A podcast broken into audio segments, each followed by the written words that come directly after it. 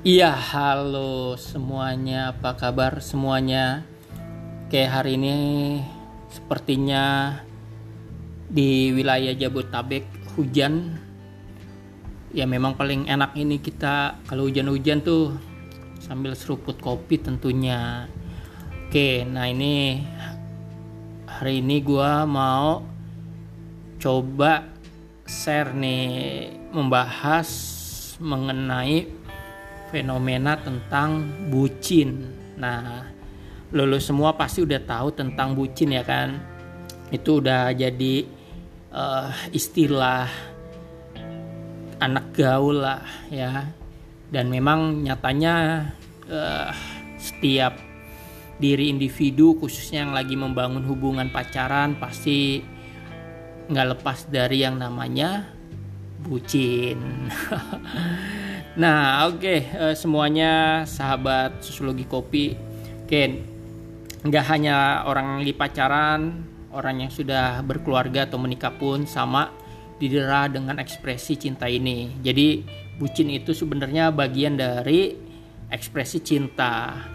Nah, yang menjadi pertanyaan, kenapa sih kita bisa memiliki ekspresi cinta bucin itu? Nah, jadi kalau dilihat secara biologis nih ya kita itu kan punya hormon nah hormon itu salah satunya yang kemudian menstimulus ya perasaan kita pikiran kita yang kemudian ditransmitterkan menjadi perilaku kita dan juga ucapan kita. Nah, itulah yang kemudian memunculkan ekspresi cinta kita dalam wujud atau manifestasi bucin. Nah, hormon-hormon apa aja sih yang ada sebenarnya dalam tubuh manusia itu? Nah setidaknya ada empat hormon yang mendominasi ekspresi cinta bucin itu bro. Nah yang pertama ada yang namanya hormon dopamin kemudian ada yang namanya hormon endorfin kemudian juga ada yang namanya hormon oksitosin dan yang keempat itu namanya hormon serotonin. Nah empat hormon inilah yang kemudian menstimulus dan kemudian mentransmitterkan ekspresi cinta kita dalam wujud bucin. Ya, jadi uh, hal yang wajar kalau kita punya ekspresi bucin. Jadi nggak perlu malu, nggak perlu uh, merasa fanatik atau berbeda karena memang itu adalah kodrat secara biologis dari manusia ya lalu eh, hal yang perlu diantisipasi adalah jangan sampai bucin itu kemudian eh, membahayakan diri kalian maupun orang lain khususnya pasangan kalian. Jadi silakan berekspresi cinta kalian melalui mekanisme bucin namun tetap rasional. Jadi jangan sampai kalian justru mengalami gangguan mental berupa psikopat atau psikoneurosis ya. Jadi kalau psikopat itu kalian sudah berusaha untuk bisa mencederai menyakiti ya orang lain. Orang lain di sini bisa pasangan kalian sendiri atau mantan kalian atau bahkan keluarga kalian sendiri atau keluarga dari pasangan kalian. Nah itu kecenderungan-kecenderungan psikopat. Kalau misalnya terlalu berlebihan dalam mengekspresikan cinta kalian. Jadi tetap rasional. Lalu kemudian uh, selain mencederai orang lain juga ada yang namanya psikoneurosis. Nah, psikoneurosis ini uh, kebalikan dari psikopat. Jadi dia mencederai atau melukai dirinya sendiri. Ya, contoh yang paling sederhana misalnya lo memaki diri lo sendiri dengan perkataan-perkataan kebun binatang lah atau hal-hal yang sifatnya itu alat kelamin lah atau aktivitas seks. Nah lo pokoknya mengatakan diri lo itu orang yang gak berguna atau semacamnya lah yang sifatnya itu efikasi diri lo itu jadi mengalami kondisi yang paling rendah ya efikasi diri itu sebenarnya penting buat kita dalam menjalani uh, kehidupan. Nah, dia itu jadi motivasi buat diri kita. Nah, oleh karena itulah sebenarnya kondisi kita untuk bisa tetap stabil, rasional dalam mengekspresikan cinta kita adalah kita harus bisa memiliki kesehatan mental. Jadi kesehatan mental itu penting ya. Kalian-kalian semua yang sedang saat ini mungkin sedang membangun hubungan percintaan dengan pasangan kalian maupun dengan uh, gebetan kalian atau yang lainnya. Jadi uh, jangan sampai kita terlalu fanatik dalam membangun hubungan uh, percintaan ya. Ekspresi boleh tetapi intinya jangan sampai terlalu berlebihan ya. Nah, lalu apa aja sih eh, bucin itu ya? Nah, setidaknya kalau misalnya dilihat dari berbagai macam kajian literatur ilmiah ya, eh, ekspresi cinta ini atau bucin ini bisa dikategorikan ada enam ya, ada enam eh, kategori ekspresi cinta atau bucin ini. Oke, yang pertama itu ada yang namanya transcendental ya, yang kedua ada yang namanya eros ya, yang ketiga ada yang namanya pragmatis, keempat itu namanya fanatik, kemudian yang kelima realistik dan yang keenam idealistik. Oke, apa aja tuh keenam dari ekspresi cinta bucin ini? Oke, yang pertama adalah transcendental. Oke, sebelum gue lebih lanjut jelasin tentang keenam kategori bucin ini kalian semuanya siapin kopi dulu atau kalau yang nggak suka ngopi malam hari bisa nyeduh susu atau teh mumpung nih lagi hujan anget-anget pas banget minum yang anget-anget oke kita minum kopi dulu. Oke gue minum kopi dulu ya bro. Oke kita lanjut. Nah yang pertama, bucin yang pertama itu adalah transidental.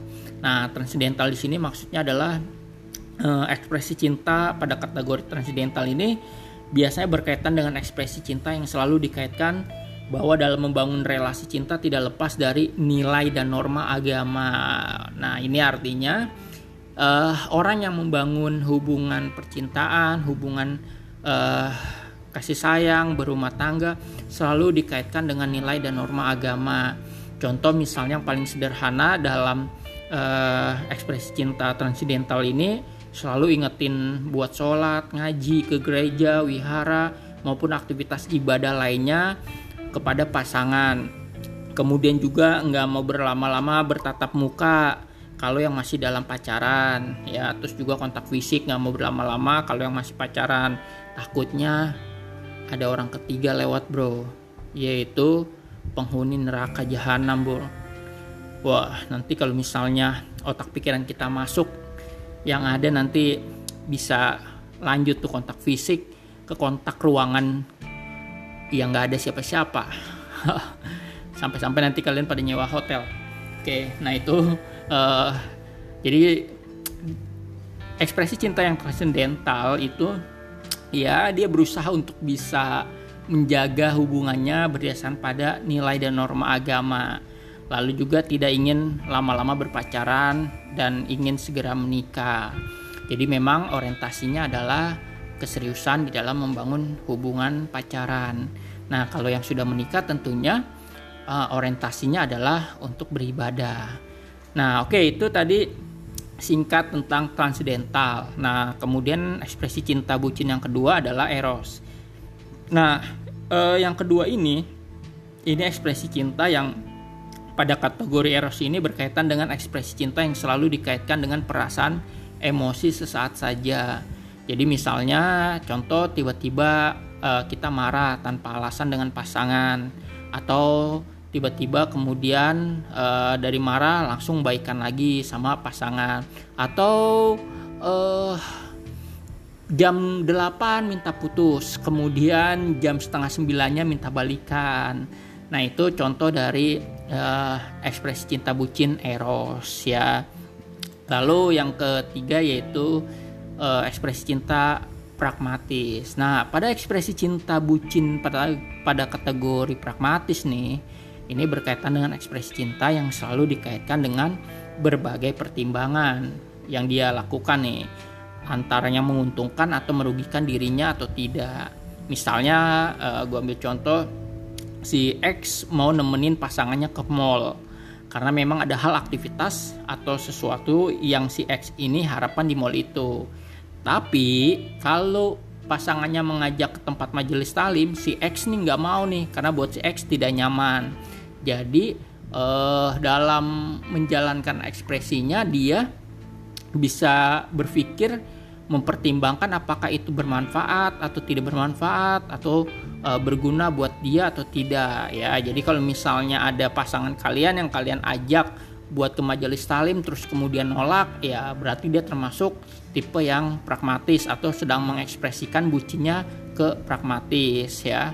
Lalu tipe yang keempat adalah fanatik. Nah, pada ekspresi cinta bucin pada kategori fanatik ini berkaitan dengan ekspresi cinta yang selalu dikaitkan dengan hal yang begitu fanatik dengan pasangan hingga dia ingin menguasai dan memiliki sepenuhnya kehidupan pasangannya padahal baru pacaran loh ini udah ingin memiliki seutuhnya dan sepenuhnya dalam waktu tempo sesingkat-singkatnya ya itu sebenarnya agak agak berbahaya ya kalau membangun hubungan yang seperti itu itu tidak sehat bro ya. Nah, tipe ini biasanya memiliki cenderungan yang psikopat kepada pasangan dan overprotective. Jadi kalau misalnya kalian punya pasangan yang uh, terlalu overprotective, yang juga kemudian selalu uh, neror kalian, nah artinya dia sedang mengekspresikan bucinya dalam kategori yang fanatik berlebihan. Jadi uh, contoh sederhana misalnya si Y ini selalu memarahi X ya jika jalan dengan teman-temannya atau HP si X wajib terkoneksi uh, eh, GPS-nya dengan si Y agar si Y bisa memantau ke mana saja si X jalan atau beraktivitas. Artinya si pasangannya ini pokoknya harus dalam pengawasan dan pengamatan pasangannya. Jadi nggak bisa atau nggak boleh uh, di luar batas pengamatannya. Jadi kalau dalam istilah sosiologi ini kamu dalam pengawasan panoptikku. Wah, itu kira-kira itu. Nah, jadi dia dalam cengkraman panoptik ya. Itu. Nah, itu eh, sangat berbahaya kalau terlalu berlebihan ekspresi cinta fanatik ini. Jadi, kalau misalnya ada pasangan kalian yang sudah mulai seperti ini, bisa kalian ingatkan atau bisa juga kalian uh, hindari ya. Tapi lagi-lagi ya, apakah pasangan kalian menerima atau tidak ya. Yang jelas kalau sudah membahayakan kalian segera bertindak dalam konteks koridor yang baik dan benar ya.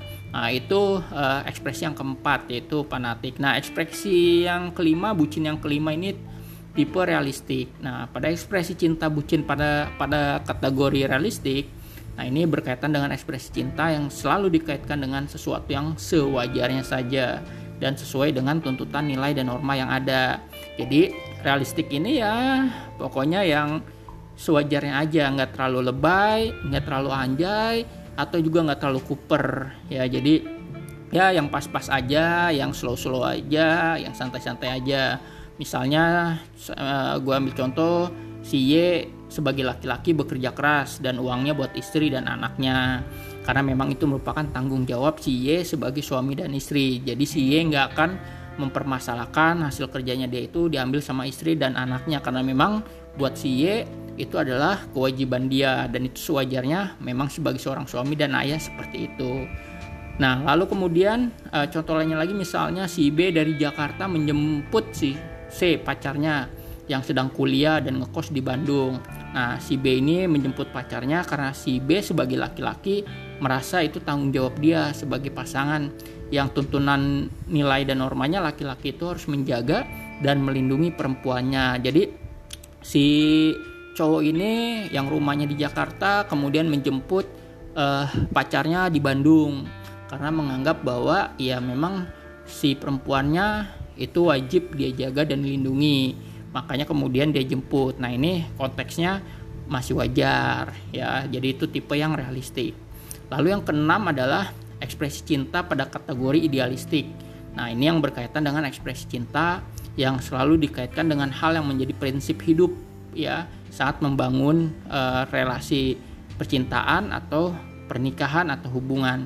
Jadi individu tersebut tidak akan membeda-bedakan perlakuan dengan pasangan tetapi dia akan konsisten dengan karakteristiknya dia. Jadi pada tipe yang keenam ini selalu dikaitkan dengan prinsip atau karakteristik pada dirinya sendiri. Jadi kalau misalnya si cowok pacaran dengan si A, dia romantis. Ketika udah selesai udah putus dengan pacaran dengan si B, dia juga tetap akan jadi romantis karena memang itu karakteristiknya dia. Atau sebaliknya misalnya si cowok ini selalu baik ketika dia pacaran, kemudian putus pacaran lagi dengan orang lain dia pun akan baik juga. Jadi selalu dikaitkan dengan uh, karakteristik prinsip dan kepribadian dari si individu. Nah itu tipe yang keenam. Jadi itu uh, enam uh, kategori dari ekspresi cinta yang namanya bucin. Nah kira-kira kalian termasuk yang mana? Nah namun yang jelas ya setiap individu itu pasti punya ekspresi cintanya tinggal bagaimana mengelolanya dengan baik dan sesuai yang tentunya juga nggak membahayakan diri kita sendiri maupun orang lain. Jadi uh, tetap jaga kesehatan mental kalian dan ingat kesehatan mental kita itu sangat penting sekali untuk kita jaga dan kelola dengan baik. Karena dengan kita memiliki kesehatan mental, maka rasionalitas kita pun terjaga. Oke, itu sekian podcast gua hari ini. Uh, mohon maaf kalau ada yang salah atau ada yang kurang dalam penjelasannya. Sekian sampai berjumpa dan berpodcast ria di segmen yang lain. Jangan lupa tetap ngopi atau nyusu atau ngeteh di saat hujan tiba karena hujan tiba hadir untuk kita berteman dengan kehangatan. Oke, sekian dari gua. Sampai ketemu dalam sosiologi kopi.